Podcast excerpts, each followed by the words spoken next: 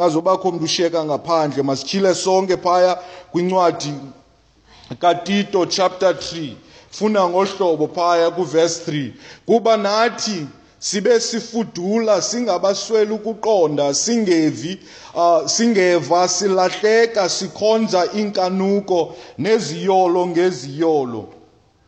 Sihleli ngolunya nomo, nomona sinezothe sithiyana kodwa kuthe kwabonakala ububele bukaThixo umsindisi wethu nokuthanda kwakhe abantu.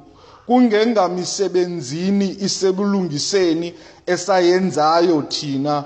Kungokwenceba yakhe wasisindisa ngenhlambululo yokuzalwa ngokutsha.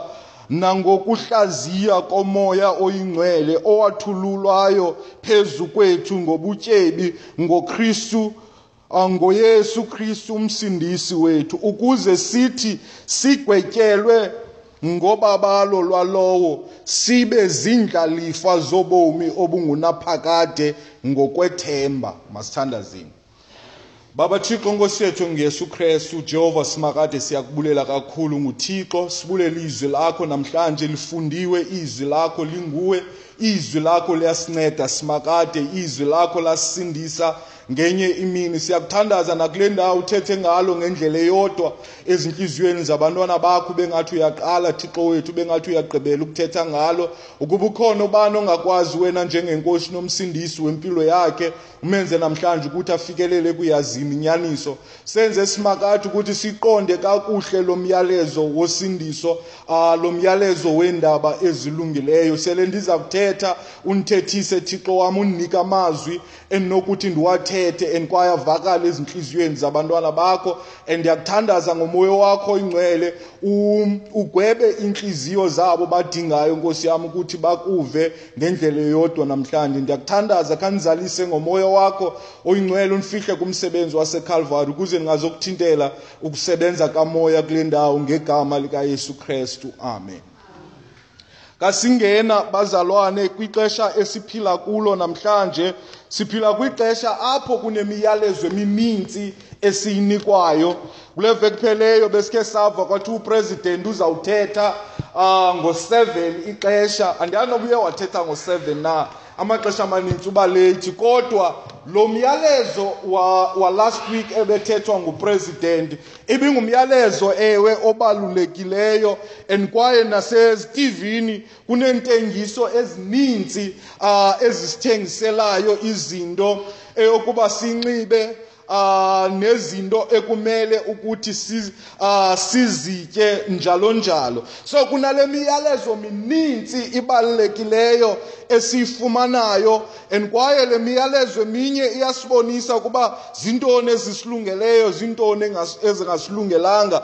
And kwaye zisinika ngamanye amaxesha siye sinikwe imiyalezo yemibono zezinto abafuna ukuthi bazenze uh, kule ndawo sihlala kuyo. Kodwa kuyo yonke loo miyalezo akekho umyalezo obaluleke njengomyalezo umyalezo wendaba ezilungileyo ezingokufa kukaYesu Kristu efela aboni. Amen. Ngoba le miyalezo yokuba sithenge le into sitye le into nokuba sithe sayamkela nokuba siye sayithenga laa nto bathi masiyithenge sayitya laa nto bathi masiyitye kodwa ayizoba nanto uh, ayizoba nagalelo elizohlala ngonaphakade ezimpilweni zethu. Kodwa lo umyalezo wendaba ezilungileyo ukuba siye sawulandula sizawuhamba siyophila kwaye sibhatale ngonaphakade kanaphakade esihogweni ngenxa yokuba sithe samlandula lo umyalezo wendaba ezilungileyo. Kodwa ukuba sithe samamkela siza kwamkela usindiso lukaYesu Kristu ezimpilweni zethu. And kwaye samkele ubomi obungunaphakade sifumane uxolelo lwezono. Fumane uxolelo lwezono. So ndifuna ukuthetha ngawo lo myalezo namhlanje and kwaye kunamanqaku nje ambalwa endifuna ukuthetha ngawo uh, ukuba uthetha ukuthini umyalezo wendaba ezilungileyo. And inqaku lam lokuqala umyalezo wendaba ezilungileyo ngumyalezo wothando.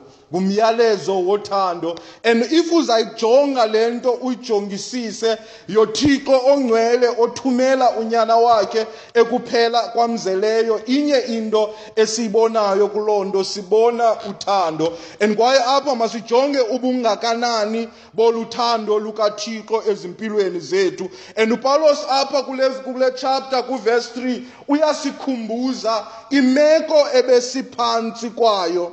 Imeko ebesiphansi kwayo uthi phaya kuba nathi sibe sifudula singabasweli ukuqonda singeva silahleka sikhonza inkanuko uh, neziyolo ngeziyolo sihleli ngolunya nomone nomona sinezothe sithiyene. Besingabantu abangazani kunye nothixo yonke into edibene kunye nothixo kwaye uthixo wamazulu besingamkhonzi nje uh, njengothixo kwaye besiphila eziyolweni zethu kwaye sibhubhisa impilo zethu. And ithi ka ithetha kakuhle apha sinomona sinomona. And kwaye le ndaba yomona kukuba ungoneli yinto onayo. Amen. Ungoyeli yinto onayo. Umona akoba ungayithandi into entle komnye umntu kodwa umona umntu uye amoni abe nomona azimonele naye. Amen. Izinto ezilungileyo empilweni yakhe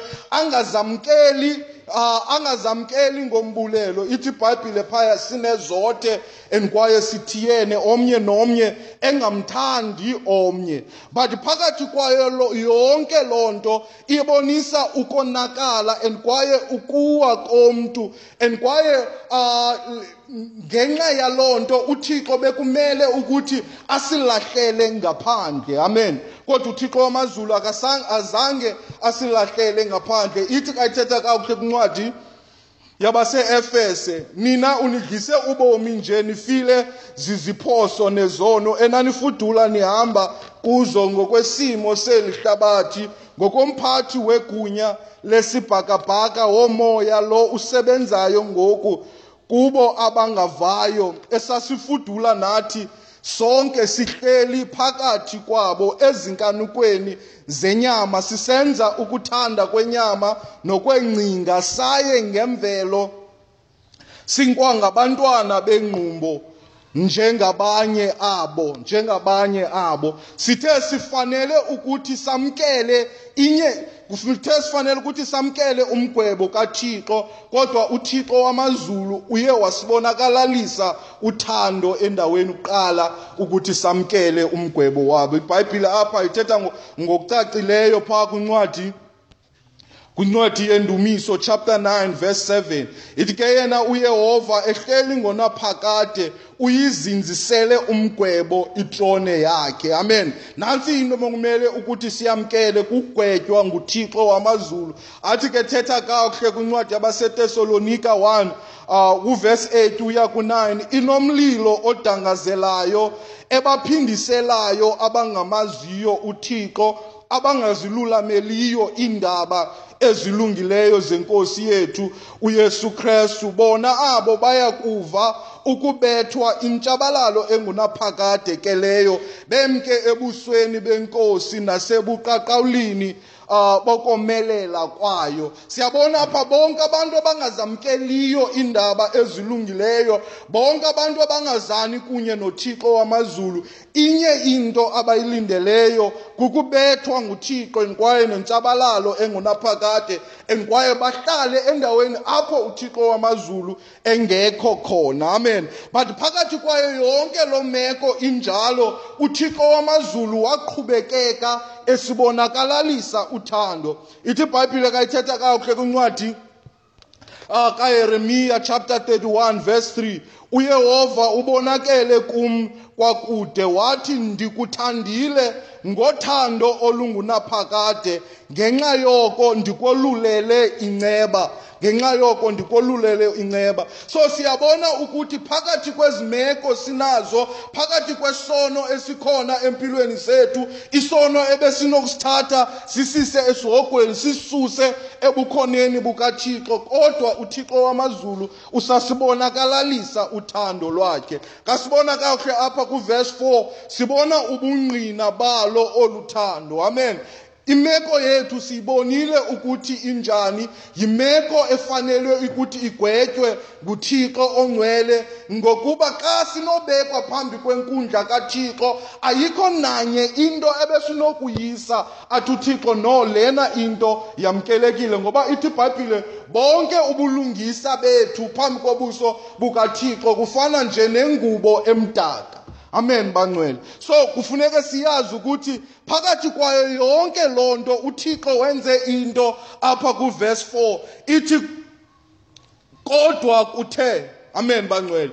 Ithi kodwa kuthe kwabonakala ububele bukathixo umsindisi wethu nokuthanda kwakhe abantu. Amen. So sele sisezonweni zethu uthixo yena uye wasibonakalalisa uthando olumangazayo ezimpilweni zethu. And kwaye oluthando lukayesu krestu oluthando lukathixo lubonakalisiwe kuye uyesu krestu liboniswe ngale nto lokuba uthixo wamazulu ancame unyana akuphela kwamzeleyo ukuze afele bonke abo basesodweni kuba ukristu uthe sakubona ukuba sisengama-athalala wabafela ngexesha elimisiweyo abangahloneli thixo kuba kungekankulu ukuthi ubani afele ilungisa kuba uthi mhlambi ubani anganobunganga bokumfela olungileyo ke yena uthixo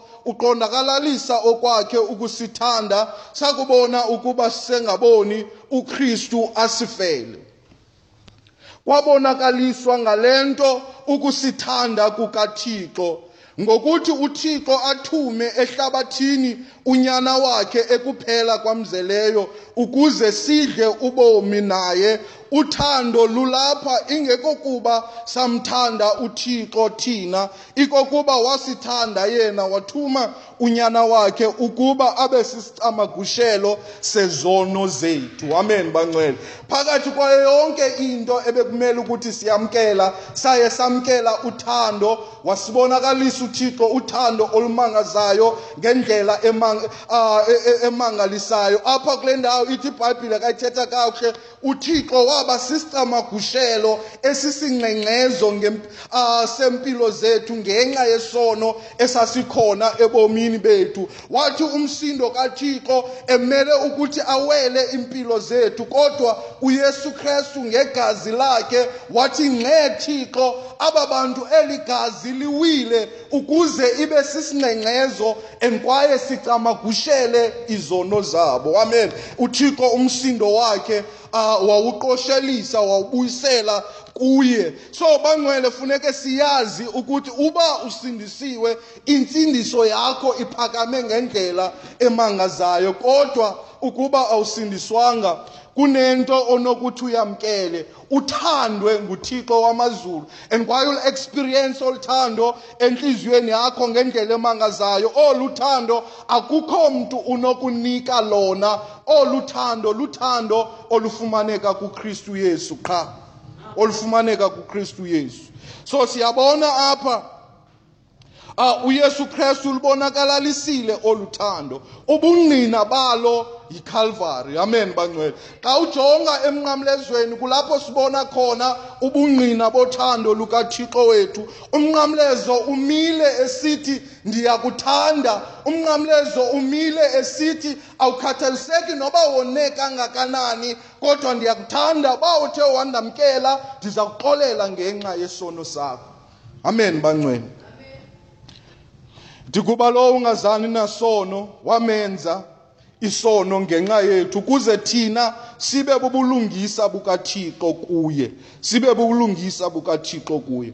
Umyalezo umyalezo womnqamlezo ungohlobo kasijonga kwincwadi kaIsaya chapter 53 ithi okunene uzithabathele phezu kwakhe izifo zethu wathwala umvandedwa wethu ke thina besiba ungobandezelwayo nguThixo. Ungocinezelwayo nguye. Kanti yena kanti yena uhlatywe ngenxa yezikreko zethu watyunyuzwa ngenxa yezenzo zethu ezigwenxa. Ubetho lokuba sibe noxolo thina lube phe lube luphezu kwakhe siphiliswa ngemivimba yakhe. Siphiliswa ngemivimba yakhe. Kasehla siye pha ku-10 uyehova ke wathanda ukumtyumza nokumvisa izifo. Xa uthe umphefumlo wakho wawenza idini letyala wayibona imbewu yakhe aba nemihla emide ukuthanda kukayehova. Kube nempumelelo ngesandla sakhe. Amen bangcwele so siyambona uyesu kristu wava ubunzima ngendlela emangazayo ukuze thina sibe seluxolweni kunye nothixo. Ezi zindaba ezilungileyo. Amen bangcwele ngoba ezi ndaba ezilungileyo zinento kwenza nephakade lethu zinento kwenza nokwamkeleka kwethu kuthixo wamazulu. Azinanto kwenza nendlela esawuphila ngayo ezantsi emhlabeni ukuba sizokuba nemali okanye kuzawulunga nje ezimpilweni zethu yonke into esifunayo. Ezi ndaba ezilungileyo ayizondaba zithandwayo ngabantu kodwa ngezona ndaba zisindisayo. Ngezona ndaba zisindisayo. Ukuthi uyesu kristu weza ezokufela ityala lezono zabantu. Ude athi ke thetha kakuhle kwenye indawo uthi ujudas nothathwa le mali nikwe amahlwempu. Uthi uyesu kristu azawuhlala ekhona amahlwempu phakathi kwethu kodwa umyalezo wanamhlanje uthi azawuphela amahlwempu. And umzekelo esiwufumanayo ebhayibhileni ukuba yintoni ebalulekileyo kukuziqonda ukuthi sonile phambi kothixo wamazulu ukuze sowuhlala naye ngonaphakade kanaphakade ngexesha uyesu kristu ebethelelwa emnqamlezweni kukho la mabhada mabini elinye ibhada into lalikhathalele ukuthi lo yesu basindisile abantu. Makazisindise naye asisindise nathi kule nto sikuyo. Kodwa ngapha ecaleni kwaba nendoda eziqondayo ukuthi le indoda ifayo kule ndawo ayinaso isono kodwa uthixo wayiwela ngenxa yobugwenxa bayo. Yathi xa ikhalimela le ndoda wathi sikule ndawo thina ngenxa yezenzo zethu. Amen bangcwele. And ngenxa yaloo nto uthi xa ejonga kuyesu kristu xa uthe walungelwa uze undikhumbule athi uyesu kristu namhlanje ndobe ndinawe eparadesi kababa. Amen. Abantu abaninzi baza kuyesu ngenjongo yokuba uh bakwazi ukumelana namatyala akhona ezimpilweni zabo okanye kususwe uh, le nto ibonakala ingathi yenza izinto zabo zingalungi ezimpilweni zabo. Abantu baza kungena izulu beneento zabo zonke ababezidinga. Umzekelo kalazaro nesityebi isityebi zange sibe nayo into yokwenza kunye nothixo kodwa into esasiyenjoya zizinto zomhlaba. Singakhathali ngothixo singakhathali nangezinto zakhe. Saye safa sowungena esiwogweni. Amen. Funeke siyazi ikanti imiphefumlo yethu iseluxolweni kunye nothixo. Yayikhe yakhona imini apho sidala uxolo phakathi kwethu nothixo. And kwaye oluthando lunje asikwazi ukuthi silichaze uh, kakuhle ngamazwi ukuba kutheni uh, uthixo wabathanda aboni ngale ndlela owabathanda ngayo. Kutheni uthixo wamazulu wenza indlela yokuba kubekho uxolo phakathi komntu kunye naye. Uh, uthixo kwakutheni ukuze asihlambe and kwaye asenze abantwana bakhe? Asikwazi ukuthi le nto siyicacise kakuhle kodwa kasingena kule vesi kunamagama kwezi vesi sizifundileyo kunamagama amabini ndingatsho amathathu acacisa ngale nto uba kutheni uthixo wamazulu wasithanda kungenxa yenceba yakhe. Amen bangcwele kungenxa yobubele bakhe and kwaye kungenxa yobabalo lwakhe uthixo wamazulu wakhetha ukuthi yes aba bantu ubulungisa bekumele ukuthi bafe ngesono sabo kodwa ndizobanika loo nto ndizabanika ubomi obungunaphakade kukristu uyesu. Zabanika ubomi obunaphakade kukristu yesu.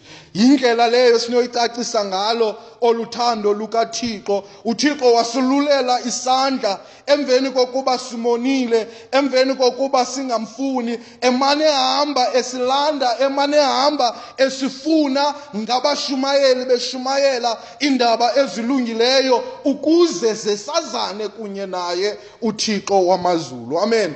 Ubabalo lwakhe labonakala ukuze sibe nako ukuthi sisindiswe and kwaye nanamhlanje olababalo lwabonakalayo uh, ngaphambili senobonakala nasempilweni yakho lisindise impilo yakho. Amen bangcwele. Yindlela nje esinokucacisa ngalo uthando lukathixo. Ithi nasindiswa ngokholo nangalo ubabalo uthi oko akuphumi misebenzini yenu hleze kubekho bani uqhayisayo. Akho nto siyenzileyo ukuze sifumane uthando olungolu hlobo. Kodwa kungenxa yobubele bukathixo.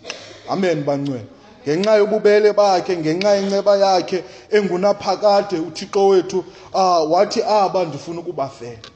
Ndifuna ukubafela bona bangazofa ngenxa yesono sabo.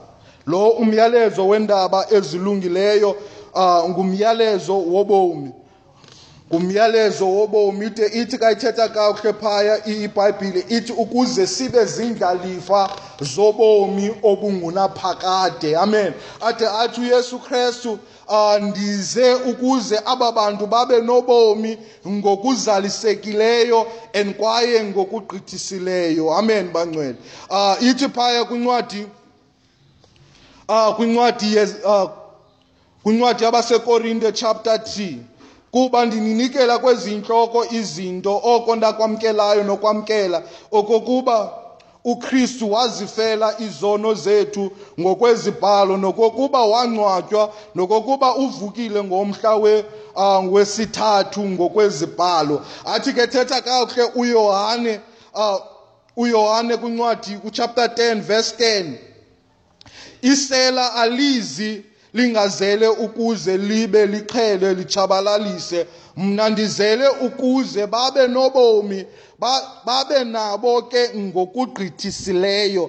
Eso sisithembiso esinaso kuKristu Yesu ukuze sibe nobomi ngokugqithisileyo. Abantu abasesonweni sele benabo ubomi baye babumoshe ngendlela abaphila ngazo. Kodwa bathi bokumamkela uYesu Kristu baye bazihloniphe. Sithi abantu besibabona beyabula esitratweni befuna into abangayaziyo.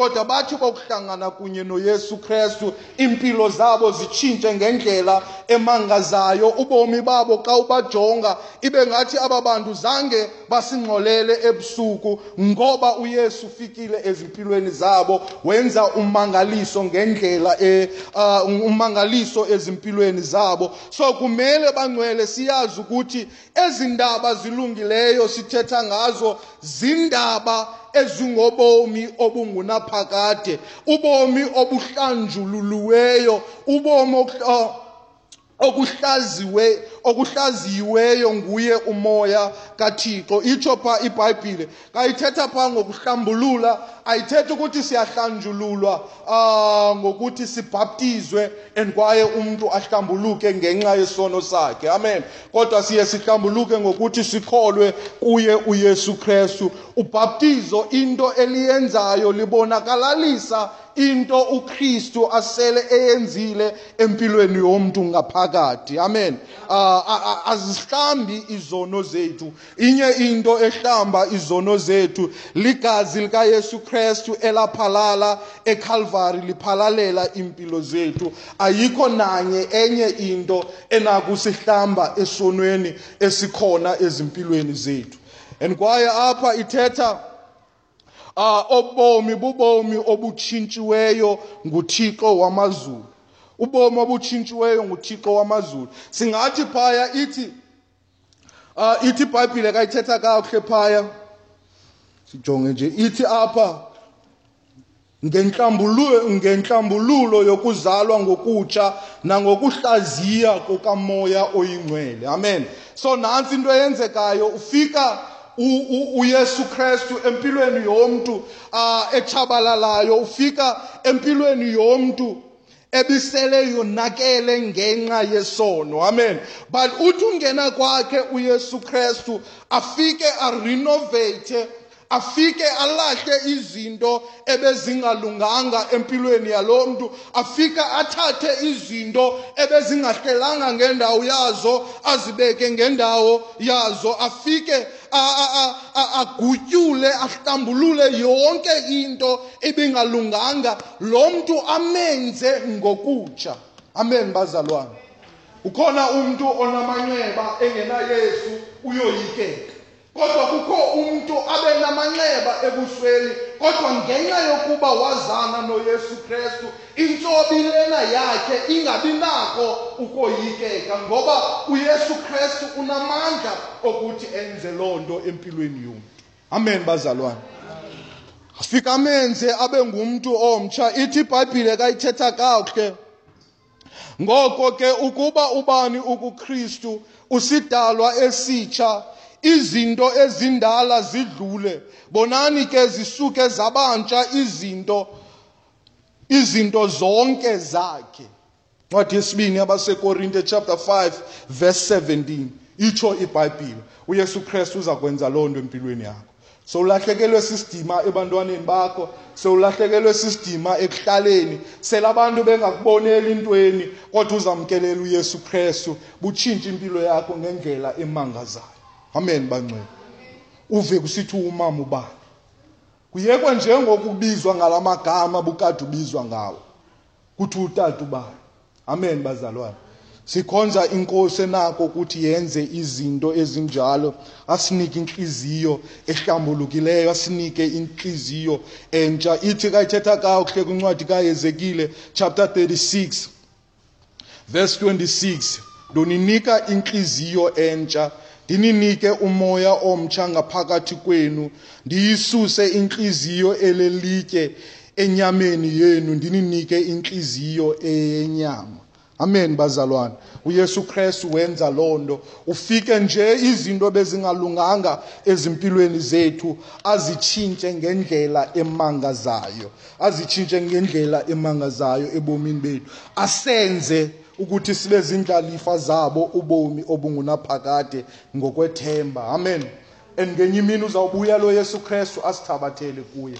Uthixo wethu nobulumko ngaphezu kwabo bonke okumkani bomhlaba abakhona okumkani bomhlaba impazamo abayenzayo kukuyekela abantu abangavaniyo nabo bahlale phakathi kwabo. Amen bazalwane. Ngoba ngenye imini aba bantu baye bamvukele umkhosi okhona. Ubukhosi obukhona.